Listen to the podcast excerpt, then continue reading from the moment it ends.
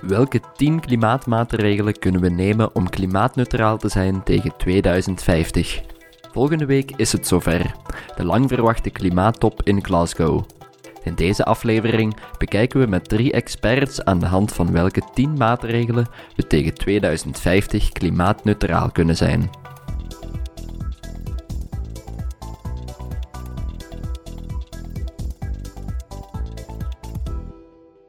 De eerste gast is Wim Boydens, ingenieur bij ontwerpbureau Boydens Engineering en professor aan de Universiteit van Gent. Hij is verder actief voor allerlei platformen met één en hetzelfde doel: het klimaat. De ruimte die we al bij wijze van spreken van het natuurlijke landschap, hè, voor zover dat we dat nog in herinnering dragen, dat we dat ruimtegebruik eh, niet telkens opnieuw ergens gaan opeisen. Dus dat we inderdaad zorgen dat we daar heel efficiënt mee omspringen en ook durven vernieuwen als het nodig is. De tweede gast is Sven Augustijns. Hij is architect stedenbouwkundig bij studiebureau Omgeving. Hij werkt vooral op projecten met de focus op klimaattransitie. Daarnaast doet hij ook aan burgerwetenschap. Vandaar dat het heel belangrijk is dat we ons landschap um, en natuur in ons land, maar ook daarbuiten, um, echt versterken. Um, anders mogen al de technologieën die we nog uitvinden, ja, die gaan, dat is een slok op de borrel, dat gaat gewoon niet helpen. Ten slotte zit Angelos Koutsis aan tafel.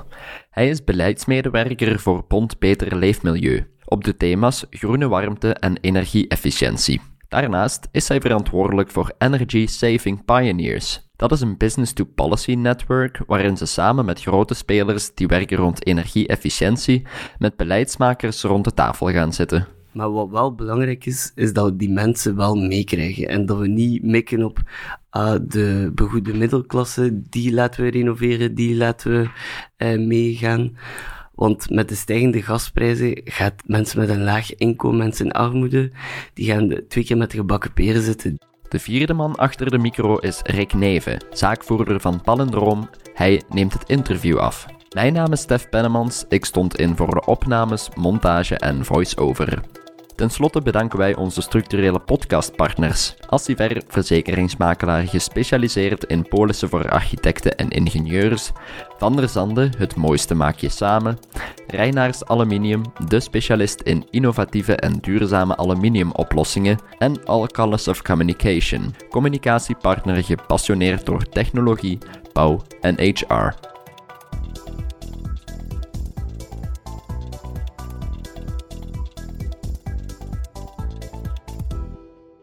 Welkom bij de podcast van architectura.be. In deze podcast focussen we natuurlijk altijd op de bouwsector. Laat deze sector nu net voor een heel groot stuk verantwoordelijk zijn voor de klimaatproblematiek. Dat maakt dus ook dat ze voor een groot stuk in handen heeft om er iets aan te doen. Angelo Scoutsis heeft hier een goed zicht op. Ja, dat klopt inderdaad. Eigenlijk de verwarming van gebouwen is verantwoordelijk voor 18,7% van onze totale uh, CO2-uitstoot van België. Dat is een groot deel residentieel, uh, rond de 12% en, of 13%. En het andere deel is van uh, tertiaire bouw of niet-residentiële gebouwen. Um, hoe kunnen we dat oplossen? Energie-efficiëntie, zoals ik het, daarvoor al zei onze huizen renoveren, onze energievraag verlagen, dat is heel belangrijk. En dan ook op een duurzame manier uh, verwarmen. Dus uh, fossiele brandstoffen moeten er op termijn uit. Dan nog, de materiaal die gebruikt worden in de bouwsector vragen uh, veel energie om te produceren. Soms moet ze ook van ver komen. En bij de creatie van cement komt er ook uh, heel veel CO2 vrij. Ik denk dat dat neerkomt op uh, rond de 5% van onze totale CO2-uitstoot in België. Ja, dat we eigenlijk gaan kijken wat de natuur nu al doet. Uh, als je kijkt naar, uh, naar, naar onze CO2-uitstoot, uh, dan is toch al 55% wordt gewoon al opgevangen door onze land- en oceaansystemen. Dus zonder die natuur was het hier al echt niet meer uit te houden. Dus vandaar dat het heel belangrijk is dat we ons landschap um, en natuur in ons land, maar ook daarbuiten, um, echt versterken. Anders mogen al de technologieën die we nog uitvinden, ja, die gaan, dat is een slok op de borrel, dat gaat gewoon niet helpen. Um, dus uh, vandaar uh, belangrijk om in te zetten op nature-based solutions en, uh, en te kijken waar we bouwen en hoe we het landschap versterken. En dat brengt ons meteen bij de eerste van onze 10 klimaatregelen. Bescherm en versterk de natuurkernen en landschappen. Iets waar Sven Augustijns volledig achter staat. Dus als we onze landschappen en onze natuurkernen niet beschermen, ja, dan gaan die uitdrogen. Maar gaan we ook met heel wat overstromingen zitten. Hè, door de verhardingsgraad die um, toch in Vlaanderen sterk um, nog toeneemt elke dag. Um, vandaar dat uh, een belangrijke maatregel, en ik zie daar toch een, een soort van shift, is dus die selectie van de Vlaamse parken en landschapsparken. dus ja, in Vlaanderen, die uh, coalities en een nieuwe aandacht moeten geven voor ons En, en daarin um, is de bouwsector uh, belangrijk, want ja, die moet eigenlijk ook de juiste infrastructuur gaan aanleggen. Hè. Dat zijn natuurverbindingen bijvoorbeeld, um, maar dat gaat ook over uh, de boeren hè, die we hebben. Hè. Dat kunnen echt koolstofboeren worden, hè, want we denken bij landschappen natuurlijk heel veel ook aan die landbouwers. En dan heb je natuurlijk ook nog het wegnemen um, van die ontbossing. Hè. Dus dat we meer moeten gaan bebossen, dat is heel belangrijk. Maar eh, bomen zijn niet de enige heil, ook graslanden en moerassen moeten we eigenlijk zoveel mogelijk uh, terugbrengen. En dat is natuurlijk wel een hele nieuwe idee. Hè. Um, als we bouwen, moeten we rekening houden dat we op de juiste locatie doen, in uh, contact met het landschap, zodat we het niet verergeren. Het tweede actiepunt is de waterproblematiek. Geef water ruimte. En dan hebben we het vooral over het ons bewapenen tegen overstromingen. Ja, we zagen het nog maar pas in de Ardennen. Hè. Uh, daar is uh, eh, 280 liter uh, per vierkante meter water uit de hemel gevallen, terwijl wij in Vlaanderen 80 liter per vierkante meter gewoon zijn. Dus je moet je niet afvragen, als we nu geen rekening houden met waar we gaan bouwen, dus als je in een overstromingsgevoelige zone zit, bouw daar absoluut niet. Maar ook, hè, hoe gaan we om met de mensen die daar vandaag wonen? En dat is een, een, belangrijke vraag voor de bouwsector ook, hè, want dat gaat over uh, maatregelen um, die gebouwen kunnen beschermen. Maar um, sommige gebouwen ja, die gaan zo'n hoge waterstanden hebben uh, dat die niet te beschermen zijn. En dat zijn toch belangrijke maatregelen die de overheid en de bouwsector, dat is een algemene shift, dat moet gemaakt worden in het denken, bouw daar niet. Um, en een van die dingen die wel interessant is, is om, dat is een concept die misschien heel simpel lijkt, maar um, dijken moeten niet rond water lopen liggen, maar dijken moeten rond woonkernen liggen, zodat je sowieso al meer ruimte geeft aan water. Um, en dan misschien nog een, laatste puntje. We denken aan overstromingen, maar droogte en overstromingen zijn twee uh, fenomenen die, die eigenlijk um, ja, maatregelen nodig hebben die op elkaar gelijken. En uh, we moeten eigenlijk onze grondwatertafel echt gaan aanvullen met zoet water. Want in Vlaanderen stroomt ongelooflijk veel weg in de zee. Dus we moeten dat bijhouden, want anders gaan we heel wat um, ja, inklinkingen krijgen van de bodem, hè, van onze kleilagen die uitdrogen en gewoon scheuren in de woningen. Dus uh, landschap is eigenlijk een heel belangrijk element in de bouwsector. Maar dan gaat het over klimaatadaptief uh, ontwerpen. Dat is niet om de CO2 te verlagen. Het is zo dat uh, de natuur, als er droogte is, um, dan um, normaal gezien neemt de natuur, als die goed nat is, CO2 op. Dat is een koolstofopslag. Maar als het droog is, dan gaat hij dat niet meer doen en geeft hij zelfs CO2 af, waardoor die eigenlijk niet meer bijdraagt uh, aan onze klimaatdoelstellingen. Dus een minder droogte is natuurlijk zeer belangrijk. Het derde actiepunt is bouwen op de juiste locatie wordt er nog te veel gebouwd op verkeerde locaties. Inderdaad, het is totaal onlogisch als we nu nog bouwen op locaties die slecht bereikbaar zijn. Niet alleen maar met openbaar vervoer, maar ook van winkels en scholen om de kinderen af te zetten. Um, als we naar een toekomst willen die uh, klimaatneutraal is tegen 2050, dan is het idee dat in Parijs voorstelt van de 50-minute uh, city wel heel interessant, waar mensen eigenlijk op hun eigen kracht, te voet, te fiets of met een goed geconnecteerd openbaar vervoer naar al hun, uh, al hun benodigdheden kunnen invullen en naar alle dingen kunnen gaan.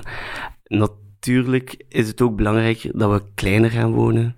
De Vlaming leeft heel groot, dus het is ook belangrijk, als we kleiner wonen, gebruiken we minder materiaal, minder ruimte verwarmen en kunnen we ook allemaal meer geconnecteerd wonen. Dus dat is heel belangrijk. Dat 15-minuten concept, uh, Sven, dat was ook een van uw actiepunten, hè? Ja, ik, ik denk dat uh, dat heel belangrijk is, omdat het een heel duidelijk concept is voor de gebruiker. Hè? Dus wat doe je op 15 minuten van je deur?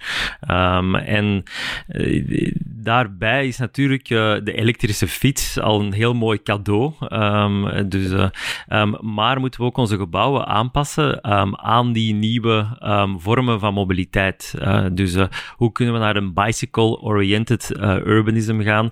Um, dat, dat die in plekken waar nu alleen maar aan parkeergarages wordt gedacht, die fiets een goede plek krijgt in het gebouw, zodat je, dat je eerste vervoersmodus wordt. Um, dus dat is heel belangrijk. En natuurlijk een goede planningscontext. Um, Angelos zei het al, niet bouwen buiten die kernen. we hebben een heel, er komt nog altijd enorm veel lintbebouwing bij in Vlaanderen. We hebben nog altijd 6 à 7 hectare per dag aan verharding dat eigenlijk bijkomt. Dat moet uh, gehalveerd worden in 2025 en in 2050 naar 0 hectare. Maar ik heb niet het gevoel dat we er op dit moment geraken. Dus ook weer al uh, aan de bouwsector, aan architecten, wees je bewust waar je bouwt. En, um, en dat is toch nog een actiepunt voor de overheid. Ja, doe iets, um, kom, met een, uh, kom met een actie om dus die bouwshift, um, de eerlijke uh, vergoedingssysteem voor grondeigenaars, komen iets realistisch af, zodat dat gemeentes um, ook niet uh, huiverachtig tegenover die maatregelen staan. Want ik kom het genoeg tegen dat gemeentes niet willen bouwen op een bouwgrond, omdat die slecht gelegen is, maar de planschade zijn zo hoog, zij zullen die moeten betalen op het einde van de rit. En dat doen ze gewoon niet. En dan blijven we gewoon in hetzelfde schuitje ziek. Dus uh, um, een, een goed krachtdadig beleid. Want elke, elke dag dat we eigenlijk verliezen um, in dat beleid, kost het ook gewoon meer. En dat is met al de maatregelen die al zijn opgesomd. We kunnen het maar beter nu doen dan dat we nadien er uh, nog miljarden tegenaan moeten gooien. Wim, de bouwshift of de, de betonstop, uh, hoe moeten we die volgens u uh, in de praktijk brengen? Ik denk dat je die vooral moet bekijken. Het is eigenlijk een samengaan hè, van het, uh, het meer collectief gaan bouwen, het, uh, het efficiënte ruimtegebruik. Het heeft uiteraard ook een impact op de waterhuishouding. Uh, dat is een van de zaken. En op de mobiliteit. Hè. maar ik denk dat de belangrijkste reden is de ruimte die we al bij wijze van spreken van het natuurlijke landschap, hè, voor zover dat we dat nog in herinnering dragen, um, dat we daar ruimtegebruik eh, niet telkens opnieuw ergens gaan opeisen. Dus dat we inderdaad zorgen dat we daar heel efficiënt mee omspringen en ook durven vernieuwen als het nodig is. Hè. Dus niet noodzakelijk zeggen waar is hier nog plaats, ook durven zeggen waar is een plaats hier een beetje ouderwets, bouwvallig of verkeerd ingevuld en daar een nieuwe actie op gaan enten. Op dit moment hebben we nog te veel woningen en andere gebouwen die totaal niet zijn aangepast aan de energievereisten. Het volgende actiepunt is dan ook de verhoogde renovatiegraad. Ja, dat klopt inderdaad. Eigenlijk zal ik beginnen met de lange termijn renovatiestrategie die VECA heeft uh, uh, voorgesteld. En daar hadden ze drie verschillende scenario's. Maar in het scenario waar we effectief de meest geleidelijke transitie hebben naar al onze gebouwen naar een EPC-label eh, van level A tegen 2050, moeten er, moeten er een bepaalde maatregelen worden doorgevoerd. Want de uitdaging is enorm. Renovatiegraad moet mij uh, verdriedubbelen. moet van 1% naar 3% gaan. Moet ongeveer 90.000 huizen of woningen uh, per jaar renoveren. Dat, dat is uh, gekke getallen. Dus, dus die 1% wil zeggen dat er per jaar 1% van de woningen energetisch gerenoveerd wordt. En dat zou naar 3% moeten. Ja, uh, van het woningbestand. Dus dat is, als we tegen 2050 dat willen halen, moet dat inderdaad naar 3%. En in die lange termijn renovatiestrategie staan er eigenlijk uh, drie maatregelen. Um, de verplichte renovatie na verkoop of bij sleutelmomenten. Wij horen dat dat nu ook weer ter sprake komt als dat origineel in het Vlaamse Energie- en Klimaatplan, dat is er uitgesmeten. Nu ligt dat weer op tafel. Voor niet-residentiële gebouwen is er al. Nu is het moment voor residentiële gebouwen. En ik zou zeggen ook direct naar een goed label, niet naar een uh, label C, maar uh, direct ambitieus B of A. Is verplichten een, een, een goede zaak, Wim? Ehm, verplichten is eigenlijk bijna noodzakelijk omdat ehm, de privé-eigenaars de waardevermindering met het oog op 2050 blijkbaar niet aanvoelen. men heeft altijd het gevoel, net voor het moment dat er een waardedaling komt, zal ik het wel verkocht krijgen. En, en dat gedrag moet er eigenlijk een beetje uit. Je zou het eigenlijk positief moeten draaien van uh, nu investeren gaat zorgen dat eigenlijk uw eigendom in waarde gaat stijgen. Als je blijft wachten, dan zou je wel eens bij, uh, hoe zeg je, de ongelukkigen kunnen aanbelanden in die end. Maar het gebeurt niet vanzelf, het is een gedragsverandering. En bij heel veel zaken, hernieuwbare energie, uh, energiegebruik, het gebruikersgedrag, zien we dat dat gaat maar met mondjesmaat. Uh, dus daar zit inderdaad het kantelpunt uh, verplichten of enorm aantrekkelijk maken. Maar hoe doe je dat? Ik denk dat dat een, een werk is van communicatiespecialisten en beleidsmensen. En wat moet er precies gebeuren qua renovaties? Hebben we het dan vooral over isolatie? Wel, het is heel belangrijk dat het, die renovaties ook altijd diepgaande energetische renovaties zijn. Um, dat begint met het isoleren van uw woning. Maar zoals we later ook zullen nog aanhalen, dat begint ook met het uh, verduurzamen van uw warmtevraag. Warmtenetten, warmtepompen. Um, ja. Er zijn dan natuurlijk ook mensen nodig om die renovaties uit te voeren. En dat is niet zo evident, want er is een tekort aan vakmensen om die renovaties uit te voeren. Voor die versnelling hebben we echt veel vakmensen nodig, maar het mooie daarvan ook is dat dat een enorme opportuniteit biedt voor echt hoogwaardige jobs. Als ik uh, mij niet vergis, heb ik gehoord dat er 30.000 jobs zouden bijkomen. Um, ja, dat is een mooie kans eigenlijk voor Vlaanderen. Dus ik zou volop investeren als Vlaanderen in de opleiding en in die mensen. En dan hebben we gewoon een win-win situatie. Onze huizen graag gerenoveerd. En mensen hebben hoogwa hoogwaardige jobs. Dus dat is een, een goed verhaal. Er zijn ook mooie uitdagingen. Ik denk dat bijna alle actoren in de bouwwereld weten dat het imago van de bouw als toch een meer uh, technologische sector dan we van oudsher denken, dat die meer zo moet geëtaleerd worden, ook meer jeugd aantrekken. We hebben het belang gezien op onze klimaatproblematiek van de bouwsector. Uh, dus die kan daar een groot verschil maken. We zien dat jeugdige mensen heel bewust zijn over hun eigen toekomst, ook bezorgder soms lijkt het dan wij het zijn. Dus dat wil eigenlijk zeggen, die dingen samenbrengen om te zorgen dat jeugd ook durft kiezen voor een serieuze uitdaging. En we krijgen daarbij ook, de oefening wordt moeilijk, niet alleen omdat de problematiek zo groot is, maar ze wordt moeilijker en uitdagender, dat is dan positief uitgedrukt, omdat we zien dat heel veel technologische ontwikkelingen uh, kunnen gecombineerd worden in de bouwsector, daar waar het vandaag nog te weinig gebeurt. Als ik daarnet het voorbeeld van de renovatiegraad, dat is één ding, we lijken alles in stukjes te kappen. Uh, we lijken alles in stukjes te kappen. Uh, we moeten niet louter energieefficiëntie bekijken, niet louter hernieuwbare energie, maar we moeten kijken in een weegschaal welk budget is er, welke richting willen we uit en welke stap zetten we als eerste het best. Maar het wordt een gewogen stap. Het is niet dat is een beetje het dogma, dat is ook het gemakkelijkste. Van eerst isoleren en dan kijken naar de energiebronnen die we aanwenden. Eh, je kunt dit eigenlijk gezamenlijk doen, maar het vraagt benaderingen die een stuk complexer zijn, maar wel kostoptimaler. En dat zal de eindklant ook natuurlijk appreciëren. Het volgende actiepunt is er eentje dat voor de hand ligt: het bannen van fossiele brandstoffen ligt voor de hand, uh, maar het klinkt wel een beetje weer als een uh, dwangscenario. Maar we kunnen uiteindelijk niet anders. Hè. Uh, misschien heel duidelijk zeggen, wat, wat willen we bekomen? Dat er zo weinig mogelijk uh, fossiele brandstoffen verbrand worden. Dus dat gaat over de werking. Hè. Het gaat effectief over het feit, wat komt er uit de schoorsteen? Het wordt nu vertaald, want het is omdat men probeert handhaafbaar te werken, het wordt vertaald naar wat zit er in een ontwerp wat ook niet het kostoptimale is. Dus we moeten ook durven gaan kijken naar hoe worden installaties gebruikt, geregeld, gestuurd, zodanig dat als je een installatie hebt, of inderdaad een collectief van verschillende gebouwen, die samen ergens centrale opwekking of meerdere centrale opwekkingen en bronnen hebben, dat inderdaad de, de, de aansturing ervoor zorgt dat de beste, minst vervuilende bronnen het meest gebruikt worden. En dat het stukje minder propere technologie die er nog tussen zit, enkel dan wordt gebruikt wanneer we de koudste, donkerste dagen hebben in de winter. Angelos, moet er een verbod komen op uh, stookolieketels en aardgasketels?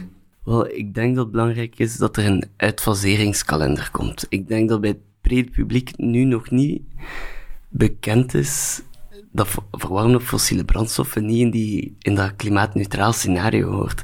Dat klinkt raar, maar ik merk dat veel mensen denken, ah, ook omdat de gasindustrie volop bezig is met gas als hernieuwbaarder en of duurzaam in ieder geval voor te, voor te stellen, denken veel mensen van, ah, met mijn gascondensatieketel ben ik energie-efficiënt bezig, ben ik goed bezig. Maar dan vergeet ze natuurlijk de CO2-uitstoot. Um, die uitfaseringskalender zal helpen om mensen bewust te maken van als mijn uh, condensatieketel bijvoorbeeld kapot is, dan weet ik, ik moet niet opnieuw investeren in een nieuwe, want binnen zoveel jaar mag ik er geen meer hebben. Dus dat is uh, goed voor de algemene bewustmaking.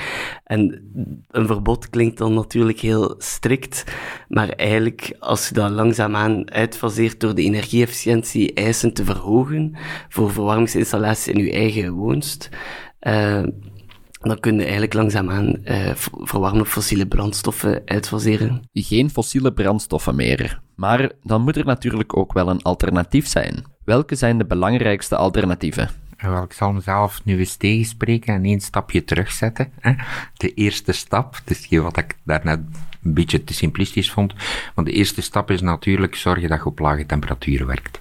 Hè. Gelijk welke renovatie dat je doet, ook al is het maar een stukje van een woning of gebouw, zorg dat je daar met vrij lage temperaturen, dan spreek ik over 35, 40 graden, hè. 50 is echt een absoluut maximum, daar rijden we de kantjes af, eh, maar dat we daarmee het gebouw kunnen verwarmen. Hm? En dat opent mogelijkheden naar eigenlijk alle hernieuwbare warmtetechnologieën die er zijn. Ja. Dan denken we aan warmtepomp, dan denken we aan um, zelfs thermische zonne-energie kan dan weer een rol gaan spelen. En die is een beetje uit de gratie gevallen omdat die voornamelijk voor sanitair warm water werd gebruikt en dan een concurrentie kreeg van een andere hernieuwbare technologie. Uh, maar zeker in verwarmingstoepassingen op lage temperatuur kan die nog een heel belangrijke rol spelen. Een tweede zaak is inderdaad als we collectief gaan werken en als we ook eens gaan kijken naar de residuele of de restwarmte die aanwezig is. Het kan in industrie zijn, kan in een datacenter zijn. Het kan in de koelinstallatie van de supermarkt zijn die naast de deur ligt.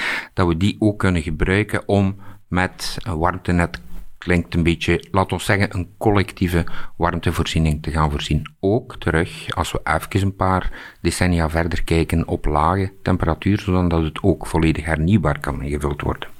Dus een voorbeeld van warmtenetten die uiteindelijk toch ergens uh, fossiele brandstofstook als bron hebben, dat is niet het, uh, de, de lock-in waarin we willen verzeild geraken. En ja, de mooiste natuurlijk, of degene die het best ingeburgerd is nu, maar wel nog wat werk geeft, vooral wat betreft kostoptimalisatie en dimensionering. Dus ook de installateur heeft daar werk en de architect heeft daar werk.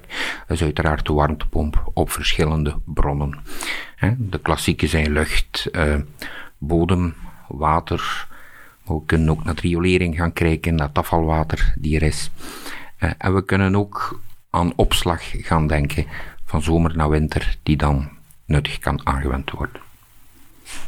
Ja, ik wou ook nog iets uh, zeggen in verband. Naast die uitfaseringskalender is het eigenlijk ook heel belangrijk dat er een uh, verschuiving is van de lasten. De verhouding elektriciteit gas is in België eigenlijk de hoogste van Europa. En zoals je je kan inbeelden, houdt dat die elektrificering van onze warmtevraag wel een beetje tegen. Daardoor worden warmtepompen minder interessant. En nu is dat een hot topic natuurlijk met die stijgende energieprijzen. En hopen we natuurlijk, het is ook belangrijk dat mensen niet in armoede um, belanden. Maar het is natuurlijk ja, ridicuul, laten we zeggen, dat hernieuwbare elektriciteit meer lasten uh, en uh, belast wordt dan fossiele brandstoffen. Ook dat je nog premies kan krijgen voor de installatie van een uh, gasketel, klopt ook niet als we logisch nadenken. Woningen renoveren of stookolieketels vervangen door waterpompen kost geld. Niet iedereen heeft dat geld. En daarom is het volgende actiepunt voer sociaal rechtvaardige klimaatregelen door. Ja, dat is eh, een heel grote uitdaging.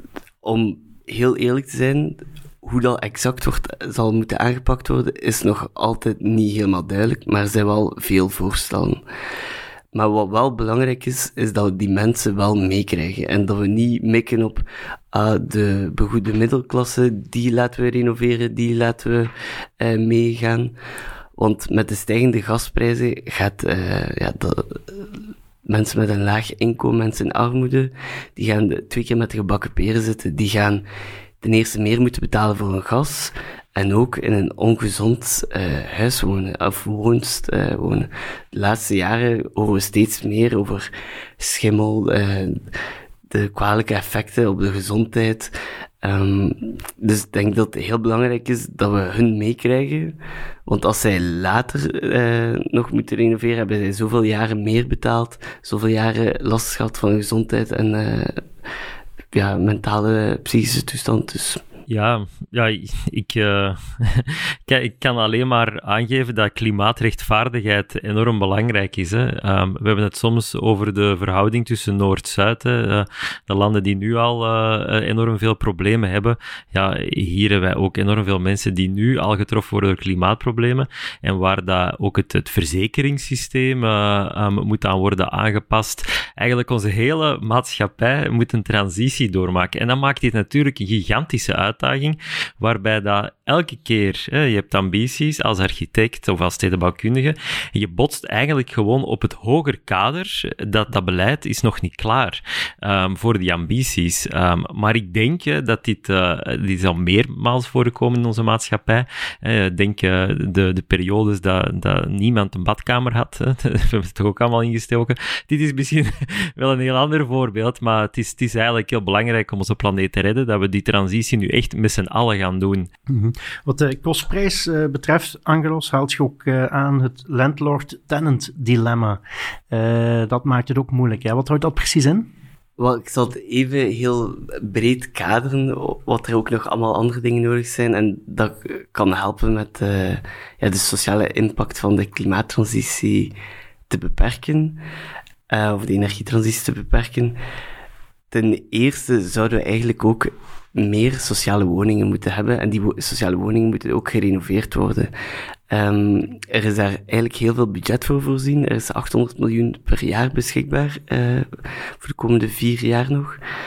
Maar jammer genoeg geraakt dat niet op, omdat het, uh, eenmaal dat het binnen het sociale objectief van een gemeente is bereikt, ze hebben veel gemeenten een beetje het gevoel van wij zijn klaar, geen sociale woningen meer. En het probleem nu is, op de huurmarkt zitten veel mensen die daar eigenlijk niet behoren of thuis horen. Die niet genoeg geld hebben om een woning te huren of uh, die kwaliteitsvol is, die een, uh, ja, energie-efficiënt is, op een duurzame manier verwarmd wordt. Maar die moeten dan noodzakelijk naar die ja, krotten, om een, uh, om een slecht woord te brengen, naar die krotten gaan, omdat zij dat is de enige optie, dat is het enige wat ze kunnen betalen. En als we dat segment van de bevolking ten eerste kunnen krijgen op die socio sociale uh, woninghuurmarkt, dan gaat die markt voor die krotten ook uh, dalen. Dan het uh, dilemma tussen de verhuurder en de huurder, dat is natuurlijk dat als de verhuurder zijn huis of zijn woonst renoveert, dat hij daar niet de vruchten van plukt. Want het is de huurder die minder e- aan energie zal betalen. Um, dat zorgt er natuurlijk voor dat er een beetje een impasse is bij de verhuurders, wat niet, niet is wat we willen. Dus daarvoor moeten we ook een beetje kijken naar uh, weer een, uh, een uitfaseringskalender, bepaalde maatregelen die gewoon moeten. Uh, tegenwoordig moet er dubbelglas in huurwoningen. Maar dat moet ook effectief gecontroleerd worden dat dat ook in elke woning gebeurt. En ik denk nog aan veel van die soort maatregelen die moeten ingevoerd worden, waardoor huurders beschermd worden.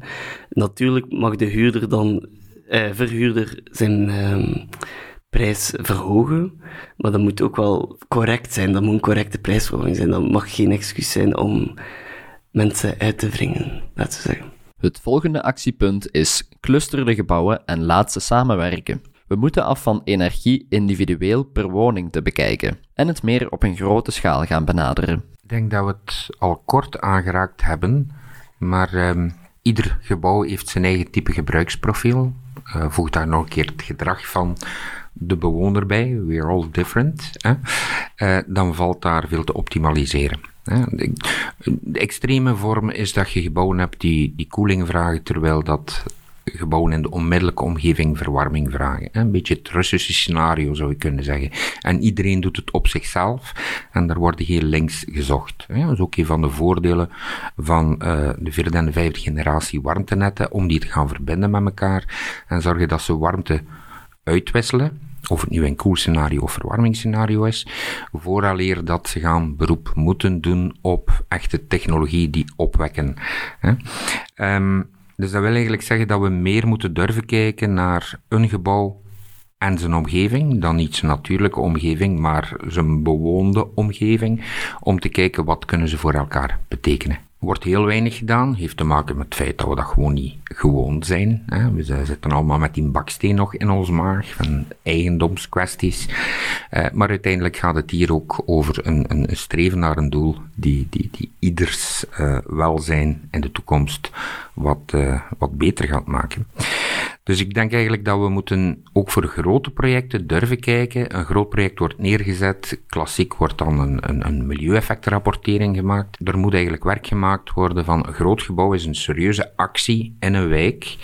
Hoe kan dit gebouw met zijn concept van installaties um, gaan inspelen op wat de andere gebouwen niet kunnen? Hoe kunnen die gaan samenwerken? Um, een extreme vorm is dat je gebouw dermate zou gaan isoleren dat je zoveel koeling nodig hebt dat je die restwarmte van die koeling ter beschikking stelt van de buurt. Het zijn extreme, ik weet het, en het vraagt inderdaad een ingenieursaanpak om dit te gaan kwantificeren. Dat is geen EPB-aanpak. Dat is effectief gaan, gaan simuleren, modelleren, om te kijken wat er valt eruit te halen. Dat is ook de reden waarom dat ik nu over grote gebouwen spreek, omdat die natuurlijk significant genoeg zijn om die aanpak te gaan doen. Hm, als we over wijken spreken, we spreken over renovatie opgeschaald door de aantallen. Eh, dat kan je gaan pre-engineeren. Je hebt wel nog een hogeschool nodig om uiteindelijk dat startschot en, en het, het goedkeuren aan het einde van de rit te doen. Maar je zorgt eigenlijk dat er wat ruimte vrijkomt om dan te focussen op de grotere problemen. En dat zijn dan die wijken, die grote gebouwen, waar inderdaad wel veel doordachter te werk moet gegaan worden.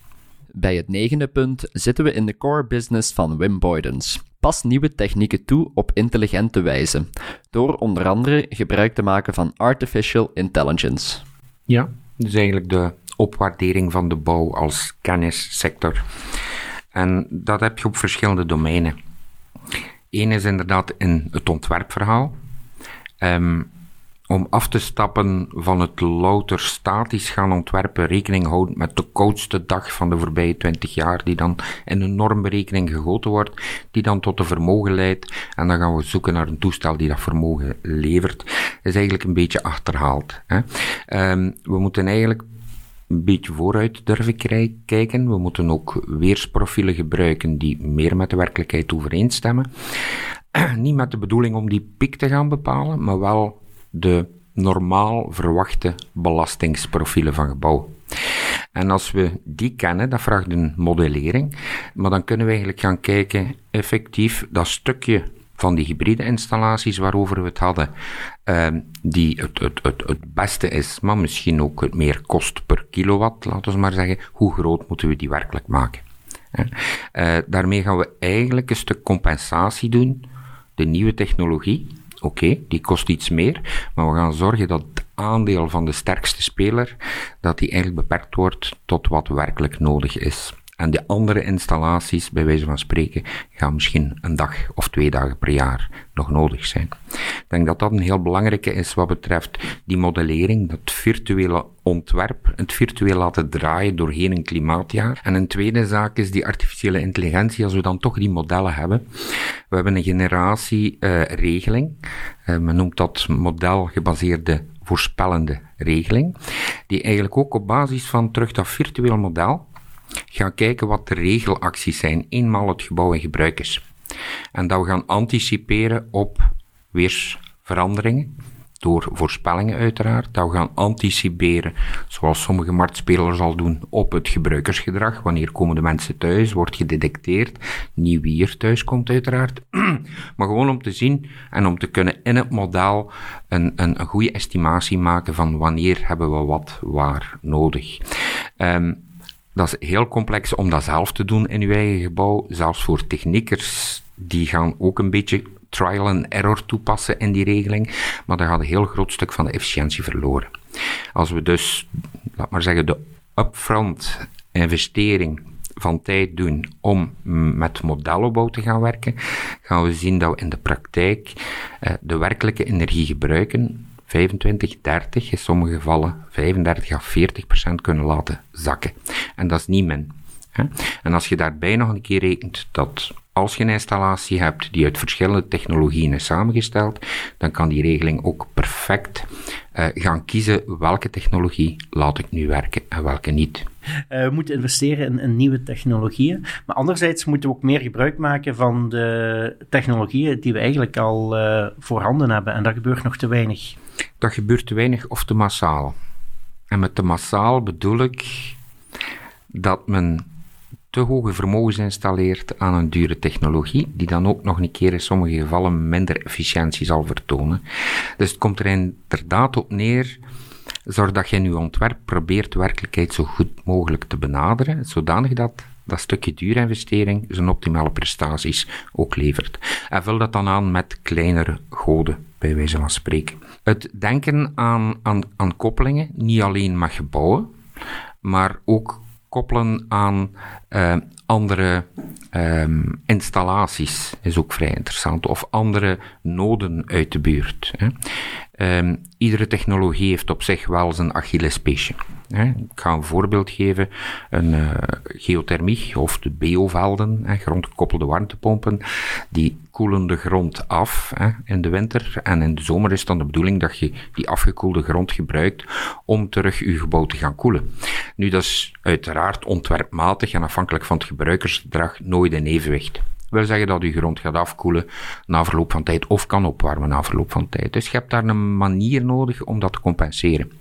Meestal in uh, Vlaanderenland koelt die grond na 10 jaar wat uit en blijft dan gelukkig ergens op een evenwichtspunt hangen.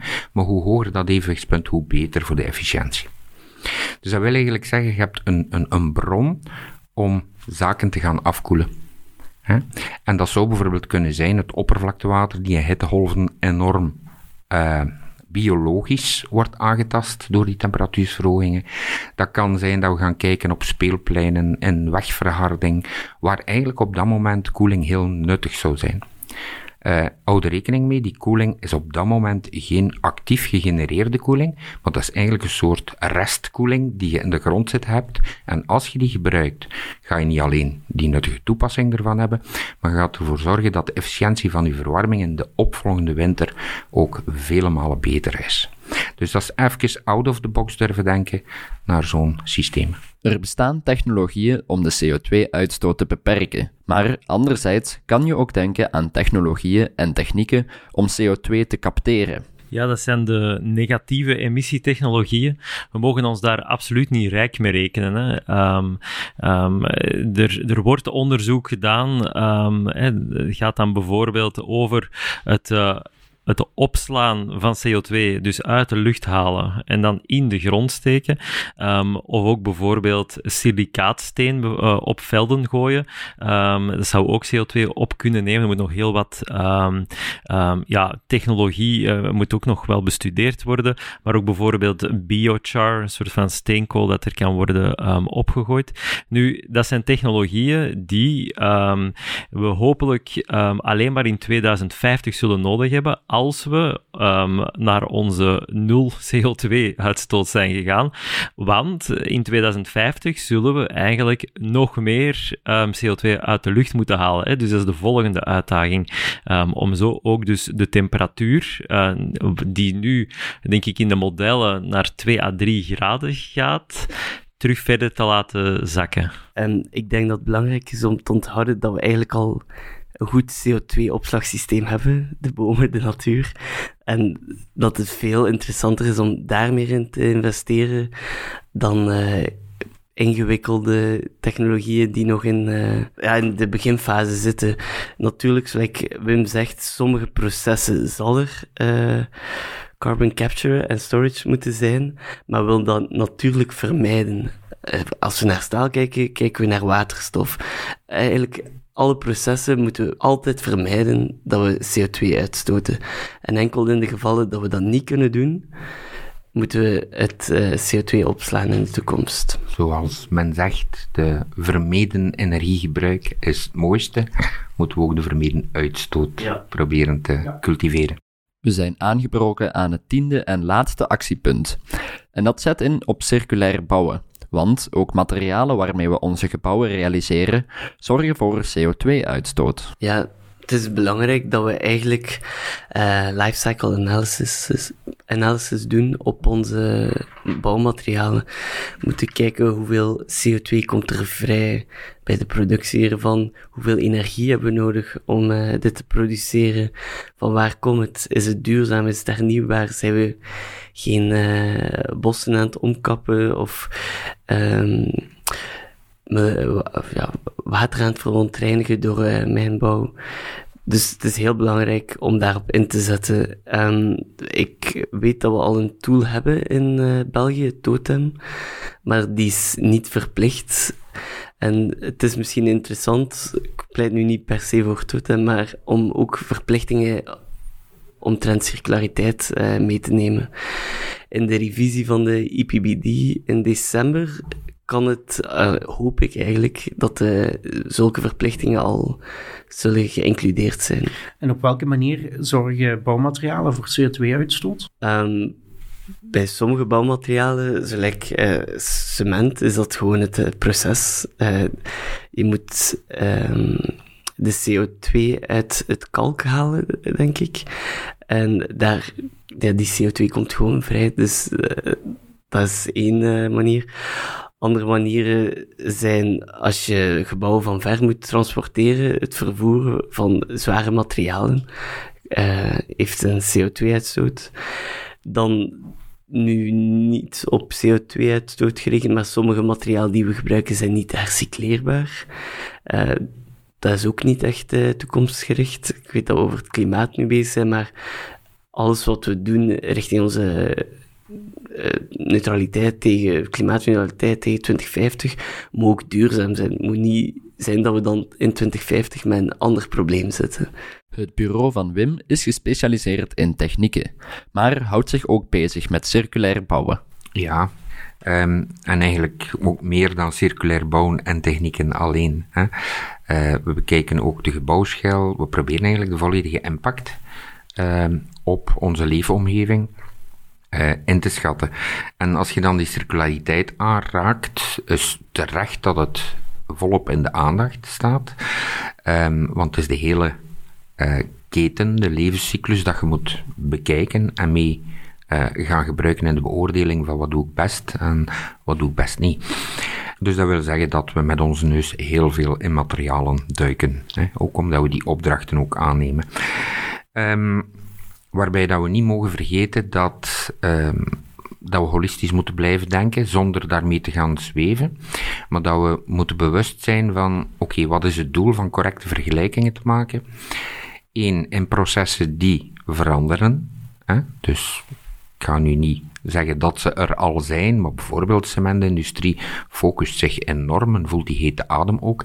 En er is wel sterke innovatie en verandering die daar gebeurt. Dus dat moeten we ook durven meenemen, want anders zijn we nu gebouwen aan het zetten die nadien blijken toch een beetje uh, te kortzichtig uh, um, keuzes, uh, behept te zijn met keuzes. We zijn aan het einde beland van onze 10 klimaatmaatregelen. Traditiegewijs sluiten we onze podcast af met een inspirerende quote van elke gast. Wim Boydens mag als eerste. We zijn stilletjes aan op dreef geraakt om onze impact op onze omgeving proberen laag te houden. Nu zal erbij komen dat we ook moeten zo bouwen dat de impact van onze omgeving op ons wonen beperkt kan blijven. Angelos is als volgende aan de beurt. De renovatie van onze gebouwen en de vergroening van onze warmtevraag is een enorme uitdaging, maar ook een geweldige opportuniteit om de energietransitie aan te pakken, hoogwaardige jobs te creëren, energiemoede uh, te bestrijden. En dat is iets waar volgens mij elke Vlaming achter zou moeten kunnen staan. En we sluiten de hekken met de quote van Sven Augustijns. Zet het landschap in als bondgenoot voor de klimaattransitie. En doe dat uh, bovengronds door niet te bouwen op locaties waar het landschap aanwezig is. En um, zorg ervoor dat je in de bodem um, ook gaat zoeken naar meerwaarde voor je warmtepompen. Die twee systemen die werken zeer goed samen. Um, en dat is eigenlijk mijn, mijn boodschap is ontwerp vanuit het landschap en niet vanuit het gebouw. Drie allesomvattende quotes die onze 10 klimaatmaatregelen nog heel wat kracht bijzetten. Wij danken onze praatgasten Wim Boydens, Angelo Skoutsis en Sven Augustijns voor een heldere blik en hopelijk heeft u genoten van deze podcast. Rick Neven, zaakvoerder van Palindroom, stond in voor het interview. Mijn naam is Stef Pennemans. Ik stond in voor de opnames, montage en voice-over fragmenten. Ten slotte bedanken wij onze structurele podcastpartners. Assiver, verzekeringsmakelaar gespecialiseerd in polissen voor architecten en ingenieurs. Van der Zande, het mooiste maak je samen. Reinaars Aluminium, de specialist in innovatieve en duurzame aluminiumoplossingen. En All Colors of Communication, communicatiepartner gepassioneerd door technologie, bouw en HR. Ben je geïnteresseerd in meer nieuws over bouw en architectuur? Beluister dan zeker ook onze andere podcasts op architectura.be. Tot hoors!